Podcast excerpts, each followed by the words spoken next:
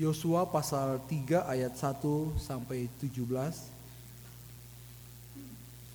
menyeberangi sungai Yordan. Yosua bangun pagi-pagi lalu ia dan semua orang Israel berangkat dari Sitim dan sampailah mereka ke sungai Yordan. Maka bermalamlah mereka di sana sebelum menyeberang. Setelah lewat tiga hari, para pengatur pasukan menjalani seluruh perkemahan dan memberi perintah kepada bangsa itu katanya, Segera sesudah kamu melihat tabut perjanjian Tuhan alamu yang diangkat para imam yang memang suku Lewi, maka kamu harus juga berangkat dari tempatmu dan mengikutinya. Hanya antara kamu dan tabut itu harus ada jarak kira-kira 2000 hasta panjangnya janganlah mendekatinya. Maksudnya supaya kamu mengetahui jalan yang harus kamu tempuh, sebab jalan itu belum pernah kamu lalui dahulu.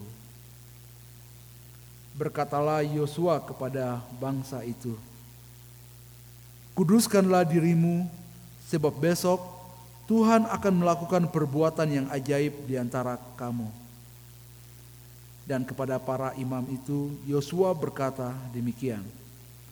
Angkatlah tabut perjanjian dan menyeberanglah di depan bangsa itu.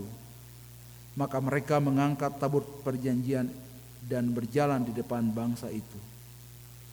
Dan Tuhan berfirman kepada Yosua, "Pada hari inilah aku mulai membesarkan namamu di mata seluruh orang Israel, supaya mereka tahu bahwa seperti dahulu aku menyertai Musa, demikianlah aku akan menyertai engkau. Maka kau perintahkanlah kepada para imam pengangkat tabut perjanjian itu demikian. Setelah kamu sampai ke tepi air sungai Yordan, haruslah kamu tetap berdiri di sungai Yordan itu. Lalu berkatalah Yosua kepada orang Israel, Datanglah dekat dan dengarkanlah firman Tuhan Alamu. Lagi kata Yosua, dari hal inilah akan kamu ketahui bahwa Allah yang hidup ada di tengah-tengah kamu dan bahwa sungguh-sungguh akan dihalaunya orang Kanaan, orang Het, orang Hewi, orang Feris, orang Girgasi, orang Amori, dan orang Yebus itu dari depan kamu. Sesungguhnya tabut perjanjian Tuhan semesta bumi berjalan menyeberang di depan kamu, masuk ke sungai Yordan. Maka sekarang pilihlah dua belas orang dari suku-suku Israel, seorang dari tiap-tiap suku. Segera sesudah kaki para imam pengangkat tabut Tuhan, Tuhan semesta bumi, berhenti di dalam air sungai Yordan, maka air sungai Yordan itu akan terputus air yang turun dari hulu akan berhenti mengalir menjadi bendungan. Ketika bangsa itu berangkat dari tempat perkemahan mereka untuk menyeberangi sungai Yordan, para imam pengangkat tabut perjanjian itu berjalan di depan bangsa itu. Segera sesudah para pengangkat tabut itu sampai ke sungai Yordan dan para imam pengangkat tabut itu mencelupkan kakinya ke dalam air di tepi sungai itu Sungai Yordan itu sebab sampai meluap sepanjang tepinya selama musim menuai. Maka berhentilah air itu mengalir. Air yang turun dari hulu melonjak menjadi bendungan. Jauh sekali di dekat Adam, kota yang terletak di sebelah Sartan. Sedang air yang turun ke laut Araba itu, yakni laut asin, terputus sama sekali Lalu menyeberanglah bangsa itu di tentangan Yeriko. Tetapi para imam pengangkat tabut perjanjian Tuhan itu tetap berdiri di tanah yang kering, di tengah-tengah sungai Yordan. Sedang seluruh bangsa Israel menyeberang di tanah yang kering, sampai seluruh bangsa itu selesai menyeberangi sungai Yordan. Sampai di sini pembacaan Alkitab. Berbahagialah segala orang yang mendengar firman Allah yang memeliharanya dan melakukannya di setiap saat dengan penuh sukacita. Amin. Shalom. Salam sejahtera untuk kita sekalian di malam hari ini. yang tentunya kita masih dalam semangat, kita bersuka cita karena cinta kasih Tuhan tidak pernah meninggalkan kita sekalian.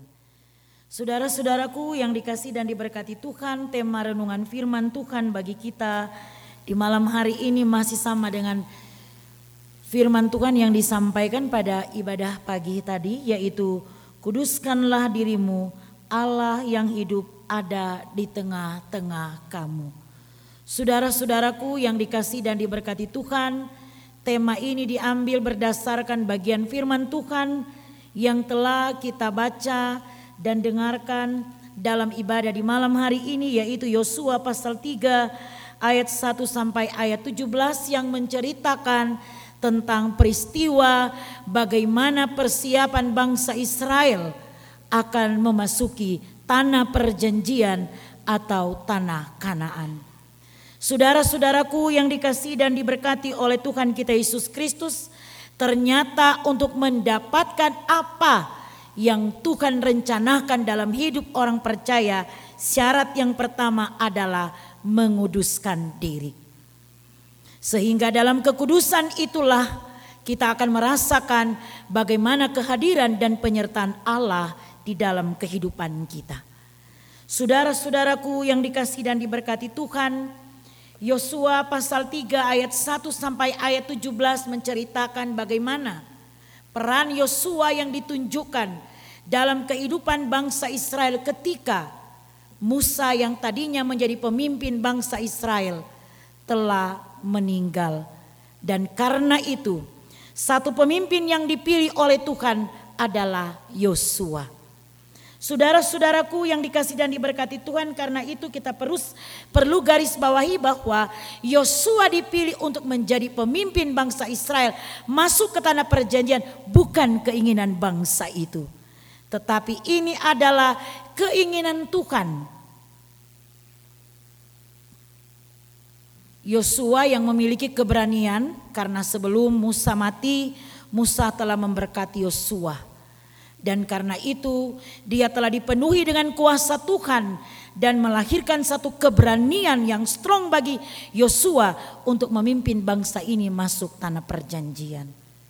Kalau mau dipertimbangkan sebenarnya Yosua bisa menolak ketika tongkat estafet kepemimpinan harus berada di tangannya untuk membawa pulang bangsa Israel ini di mana bangsa Israel akan berhadapan dengan berbagai tantangan setelah dia melihat pengalaman-pengalaman sebelumnya dalam kepemimpinan Musa. Tetapi inilah yang diinginkan oleh Tuhan dalam pribadi Yosua dan karena itu Yosua telah dipersiapkan sedemikian baik untuk memimpin bangsa Israel. Jelas sekali kalau kita baca pada pasalnya yang pertama ya, di situ dijelaskan bagaimana ketika hamba Tuhan yaitu Musa meninggal, maka kemudian Yosua menggantikan dia. Dan khususnya pada pasalnya yang ketiga kita mau lihat bagaimana sebenarnya persiapan bangsa Israel untuk masuk ke tanah perjanjian. Pada ayatnya yang pertama di situ dituliskan Yosua bangun pagi-pagi lalu ia dan semua orang Israel berangkat dari Sitim dan sampailah mereka di sungai Yordan maka bermalamlah mereka di sana sebelum menyeberang. Jadi mereka bermalam di sana pada waktu itu dan memberikan perintah kepada bangsanya katanya segera sesudah kamu melihat tabut perjanjian Tuhan Alamu yang diangkat para imam yang memang suku Lewi maka kamu harus juga berangkat dari tempatmu dan mengikutinya. Jadi di saat mereka menunggu pagi hari Musa mulai membekali bangsa Israel dengan mengeluarkan beberapa peraturan yang harus mereka ikuti yaitu ketika mereka melihat tabut perjanjian yang sudah dipikul oleh para imam yang adalah orang Lewi sendiri. Saat itulah mereka harus bersiap-siap. Karena sesungguhnya tabut perjanjian inilah yang harus berada di depan untuk memimpin bangsa ini. Di dalam perjalanan mereka menuju tanah perjanjian. Pertanyaan bagi kita, kenapa mereka harus berbaris di belakang tabut perjanjian ini? Apa sih isi dari tabut perjanjian itu? Sehingga seolah-olah tabut ini punya kuasa untuk bangsa ini.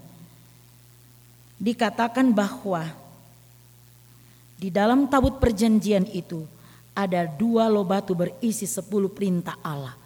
Ketika mereka berada di Gunung Sinai, kita ingat bagaimana ketika Tuhan memanggil Musa untuk naik ke puncak Gunung Sinai, Tuhan memberikan dua loh batu yang berisi sepuluh perintah Allah yang kita kenal dengan hukum Tuhan. Dan di dalam Taurat Perjanjian ada gulungan kitab Taurat yang berisi lima kitab pertama Kejadian keluaran imamat bilangan dan ulangan yang merupakan tulisan Musa. Serta satu buli-buli emas berisi mana. Dan tongkat Harun yang pernah bertunas. Jadi yang ada di dalam taut perjanjian itu adalah sesuatu yang telah dilihat oleh bangsa Israel. Punya kuasa yang besar dan menyatakan kehadiran Allah di situ. Dan karena itu tabut perjanjian harus dilihat sebagai pimpinan pemimpin utama dalam perjalanan bangsa Israel yang diimani bagaimana Allah hadir dan menyertai bangsa ini. Dengan satu syarat saudara-saudara. Kalau kita baca pada ayat yang kelima di situ dikatakan, berkatalah Yosua kepada bangsa itu, kuduskanlah dirimu sebab besok Tuhan akan melakukan perbuatan yang ajaib di antara kamu. Jadi ini persiapan bangsa Israel ya. Jadi mereka masuk ke tanah perjanjian bukan asal-asal saudara-saudara. Sudah ditempa dalam perjalanan yang panjang ketika Musa memimpin mereka. Tapi ternyata dalam kepemimpinan Yosua juga Allah mau supaya bangsa ini menguduskan diri mereka. Kenapa? Kembali lagi kepada perjalanan mereka ketika mereka ada di Mesir. Apa yang mereka lakukan saudara-saudara? Mereka terkontaminasi dengan penyembahan-penyembahan berhala mereka terkontaminasi dengan budaya-budaya Mesir yang ada pada waktu itu yang menyakitkan hati Tuhan.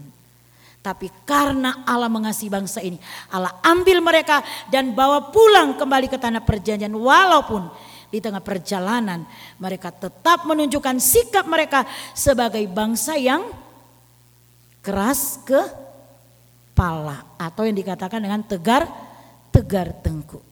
Di sini kita lihat bagaimana peran Allah yang begitu sabar, begitu setia, terus membentuk bangsa ini supaya benar-benar mereka menjadi bangsa yang kudus. Dan ini kemudian dibahas oleh Yosua untuk bangsa ini sebagai satu syarat ketika mereka harus masuk ke tanah perjanjian. Karena kata Yosua, sesungguhnya Allah akan melakukan perbuatan yang ajaib di antara kamu. Ajaib yang bagaimana saudara-saudara? Alkitab mencatat bahwa ketika mereka akan menyeberang sungai Yordan. Sepertinya kalau dengan kekuatan manusia mereka tidak dapat menyeberangi sebuah sungai yang mungkin arusnya sangat deras. Yang sudah pernah pergi ke Israel pasti sudah pernah lihat ya sungai Yordan ini. Nah saudara-saudaraku yang dikasih dan diberkati Tuhan karena itu Allah memberikan peraturan bagi Yosua untuk disampaikan kepada para imam pada waktu itu supaya air yang ada di sungai Yordan itu menjadi surut sebagiannya untuk dijadikan jalur perjalanan bangsa Israel untuk pergi ke tanah perjanjian. Saudara-saudaraku yang sangat dikasih dan diberkati, oleh Tuhan kita Yesus Kristus. Karena itu Yosua memerintahkan para imam untuk mengangkat tabut perjanjian dan menyeberang di depan bangsa itu. Jadi ketika imam-imam ini meletakkan kaki mereka ke dalam sungai Yordan, apa yang terjadi saudara-saudara? Alkitab sudah katakan tadi ya, air itu menjadi kering. Dan di saat itulah bangsa Israel berjalan menuju ke tanah perjanjian. Saudara-saudaraku yang dikasih dan diberkati Tuhan, kalau kita baca pada ayatnya yang ketujuh, ayat ke-8, ayat ke-9, 10, di situ dikatakan bagaimana sebenarnya Allah memerintahkan bangsa Israel melalui Yosua untuk semua hal yang mereka lakukan. Yang pertama, Allah membesarkan Yosua. Dengan kuasa-kuasa yang Tuhan nyatakan lewat ucapan-ucapan Yosua karena Allah berfirman kepadanya, bangsa Israel menuruti perintah Yosua dan apa yang dikatakan oleh Yosua selalu menjadi keajaiban bagi bangsa Israel sebagai sesuatu penyertaan Tuhan dalam kehidupan bangsa Israel. Jadi jauh sebelum mereka dihadang oleh suku-suku yang lain kalau kita lihat pada ayat yang ke-10 di situ dikatakan bahwa Allah akan menghalau orang Kanaan, orang Het, orang Hewi, orang Feris, orang Girgisi, orang Amori dan orang Yebus di depan mereka. Jadi rupanya Tuhan sudah lihat orang-orang ini akan menghalangi mereka untuk masuk ke tanah perjanjian. Tetapi sesuai dengan janji Allah kepada Yosua, Allah menghalau bangsa-bangsa ini supaya perjalanan tabut perjanjian dan orang-orang Israel ini dapat masuk ke tanah perjanjian.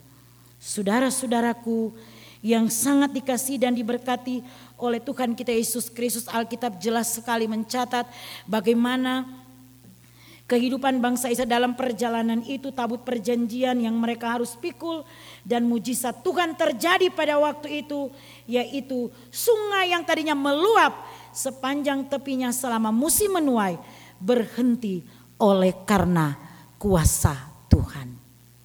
Nah saudara-saudaraku yang dikasih dan diberkati oleh Tuhan kita Yesus Kristus kalau kita melihat pengalaman hidup bangsa Israel ketika mereka akan masuk ke tanah perjanjian ternyata untuk mendapat berkat Tuhan itu tidak mudah saudara-saudara.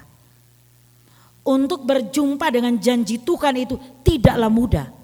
Kalau kita lihat konteks bagian firman Tuhan ini, syarat utama adalah menguduskan diri.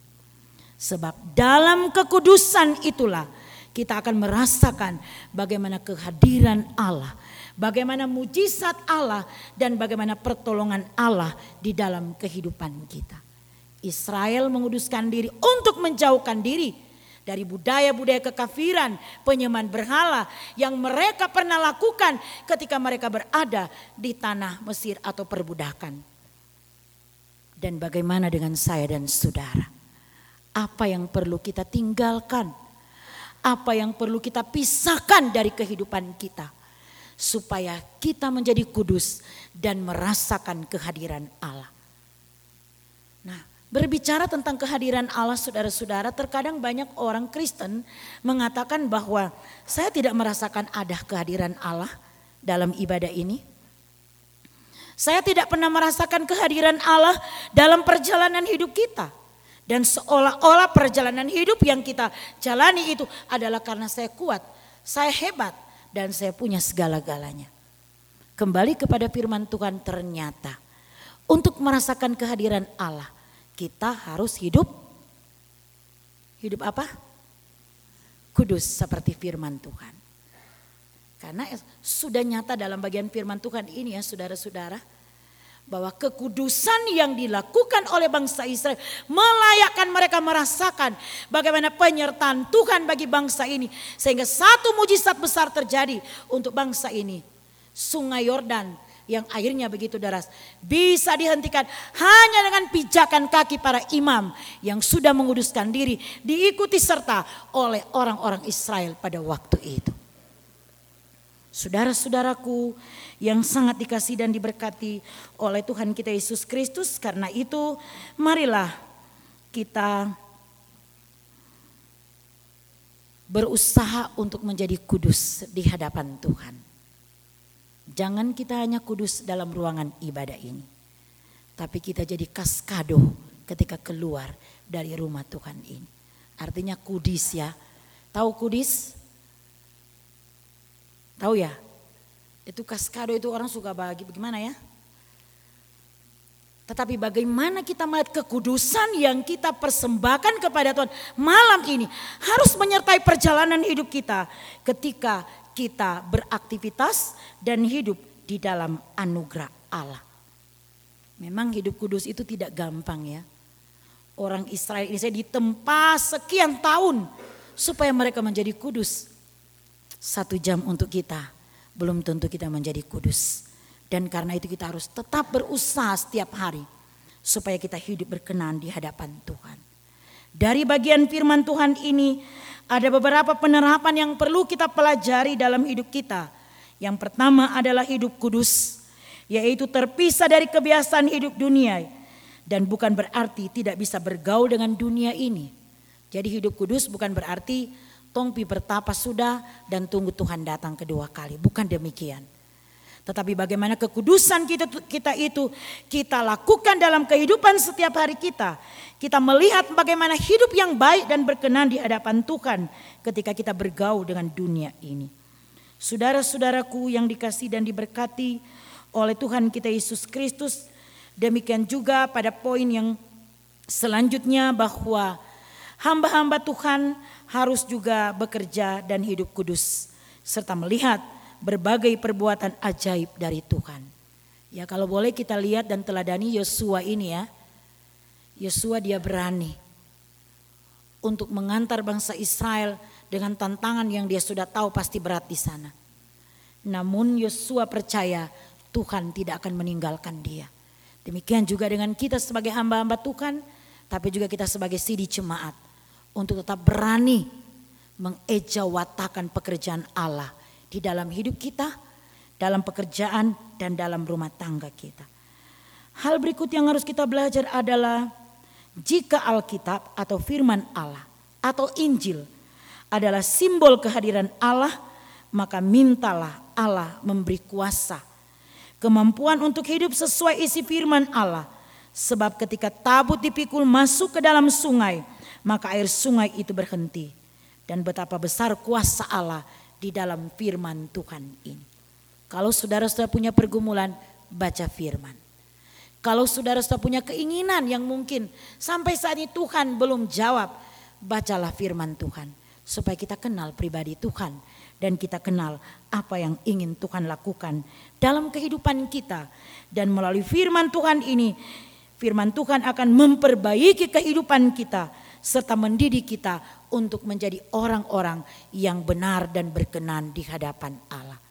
Tuhan memberkati firman-Nya yang singkat bagi kita dan akan memampukan kita sekali untuk terus berjalan bersama dengan Tuhan sampai Tuhan datang kedua kali. Amin. Marilah saudara-saudara kita berdoa. Terpujilah Engkau ya Tuhan Allah pencipta langit dan bumi Allah yang terus mengasihi kehidupan kami melalui putramu Yesus Kristus dan oleh tuntunan roh kudus kami tetap ada di dalam kasih dan anugerahmu. Terpujilah segala kuasa dan mujizatmu ya Allah, ya Tuhan kami. Sebab di hari ini engkau perkenankan kami sekalian sebagai jemaat GKI Kalvari Tembagapura ada dalam persekutuan yang beribadah, menyembah dan memuliakan Engkau, serta belajar tentang firman-Mu. Berkatilah firman-Mu bagi kami ya Tuhan, mampukan kami untuk dapat menerjemahkan firman-Mu dengan baik dan benar dalam kehidupan pribadi kami, keluarga, pekerjaan, pelayanan, serta kehidupan yang kami jalani di dalam hidup kami ini. Terima kasih untuk firman-Mu ya Tuhan. Kami percaya dalam kuasa-Mu. Firman-Mu ini sudah memberkati kami. Bapa di dalam surga, di malam hari yang penuh dengan sukacita iman ini, kami semua bersyukur dan berterima kasih kepadamu. Oleh karena berkat-Mu yang tidak pernah berhenti melawat kehidupan kami, kami ada hari ini karena anugerah-Mu Tuhan. Kami boleh bekerja oleh karena kekuatan yang Engkau berikan bagi kami. Dan kami beribadah karena perkenaanmu. Terpujilah segala berkatmu ini Tuhan. Bersama di malam ini kami bersyukur dan berterima kasih. Sambil kami datang di hadapanmu menyatakan pemberian persembahan kami. Yang boleh kami isi dalam kotak-kotak persembahan yang ada. Tetapi juga ada beberapa pribadi dan keluarga yang secara khusus di malam ini menyatakan ucapan syukur. Community Choir Karapau mengucap syukur kepadamu ya Tuhan karena perkenaanmu yang boleh melayakkan mereka untuk mempersembahkan puji-pujian di dalam lomba yang akan mereka ikuti nanti. Karuniakan mereka kesehatan Tuhan, buatlah suara mereka menjadi merdu dan indah oleh karena engkau memberkati pita suara mereka. Kiranya mereka tetap bersuka cita di dalam Tuhan untuk segala kehidupan dan puji-pujian yang mereka persembahkan kepadamu dan melindungi mereka dalam setiap kehidupan yang dijalani. Tuhan tolong mereka supaya mereka boleh mengikuti kompetisi paduan suara di Bali pada akhir bulan Juli ini Tuhan. Segala persiapan yang sudah mereka siapkan mulai dari hari-hari yang sudah dan sampai saat ini sampai pada akhirnya mereka akan berangkat kami serahkan kepadamu Tuhan. Kami percaya bagaimana firmanmu yang boleh kami dengarkan tadi, penyertaanmu untuk bangsa Israel, kuasamu yang kau nyatakan bagi bangsa Israel dalam kepemimpinan Yosua, itu pun dinyatakan dalam community choir Karapau ini Tuhan. Bersyukur bersama dengan Bapak Aum oleh karena kasih dan pertolongan Tuhan yang boleh menyatakan ucapan syukur di malam ini. Tuhan memberkati Bapak Aum dalam segala kehidupannya, keluarga dan pribadi dan menerima ucapan syukur yang sudah diberikan. Persepuluhan dari saudara Samuel Tangka dan persepuluhan dari saudara atau saudari yang tidak menyebutkan nama. Terimalah persembahan persepuluhan ini Tuhan bersama dengan persembahan dan ucapan syukur yang kami nyatakan malam ini. Kami percaya dengan pemberian yang penuh segenap hati ini, Tuhan menerimanya dan memberkatinya. Demikian memberkati kehidupan kami sekalian, pribadi-pribadi yang sudah mengucap syukur dan membawa perpuluhan. Inilah persembahan kami Tuhan, inilah kehidupan kami, Kiranya oleh kuasa dan kasihmu diberkati dan menjadi berkenan di hadapanmu. Malam ini hamba membawa seluruh jemaatmu yang beribadah. Mereka datang dalam segala pujian dan penyembahan. Tetapi juga mereka membawa kehidupan mereka. Dalam sukacita yang mereka alami. Dalam pergumulan yang mereka alami. Dalam kesakitan yang mereka alami. Tetapi juga pekerjaan rumah tangga pribadi sebagai anak-anak muda yang ada di jemaat GKI Kalvari Tembagapura ini Tuhan. Tuhan yang maha baik, inilah jemaat-jemaatmu Tuhan. Mereka sedang berdoa dan memohon kepadamu Tuhan. Hamba pun ini tidak memaksa kehendakmu. Tapi hamba percaya dalam kuasamu ada kasih yang besar untuk jemaat GKI Kalvari Tembagapura. Karena itu Tuhan hamba mohon Berkatilah mereka yang bersuka cita. Sembuhkanlah mereka yang sakit. Berkatilah pekerjaan yang mereka jalani.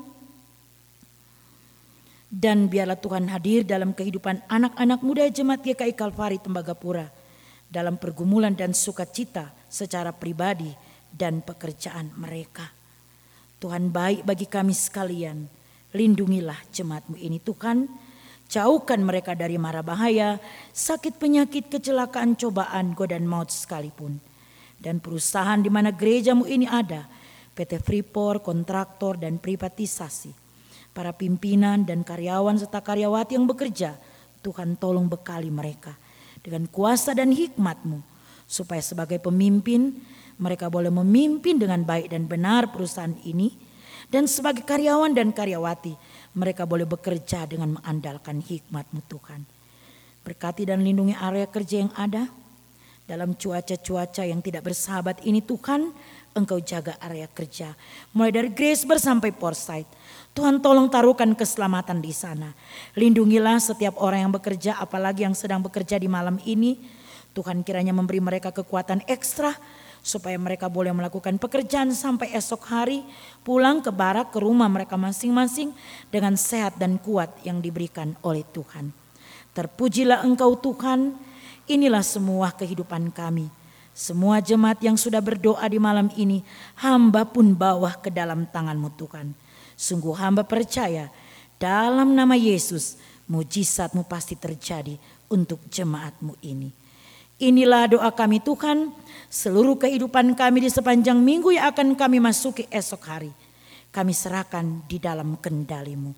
Dalam nama Yesus Kristus kami berdoa. Amin.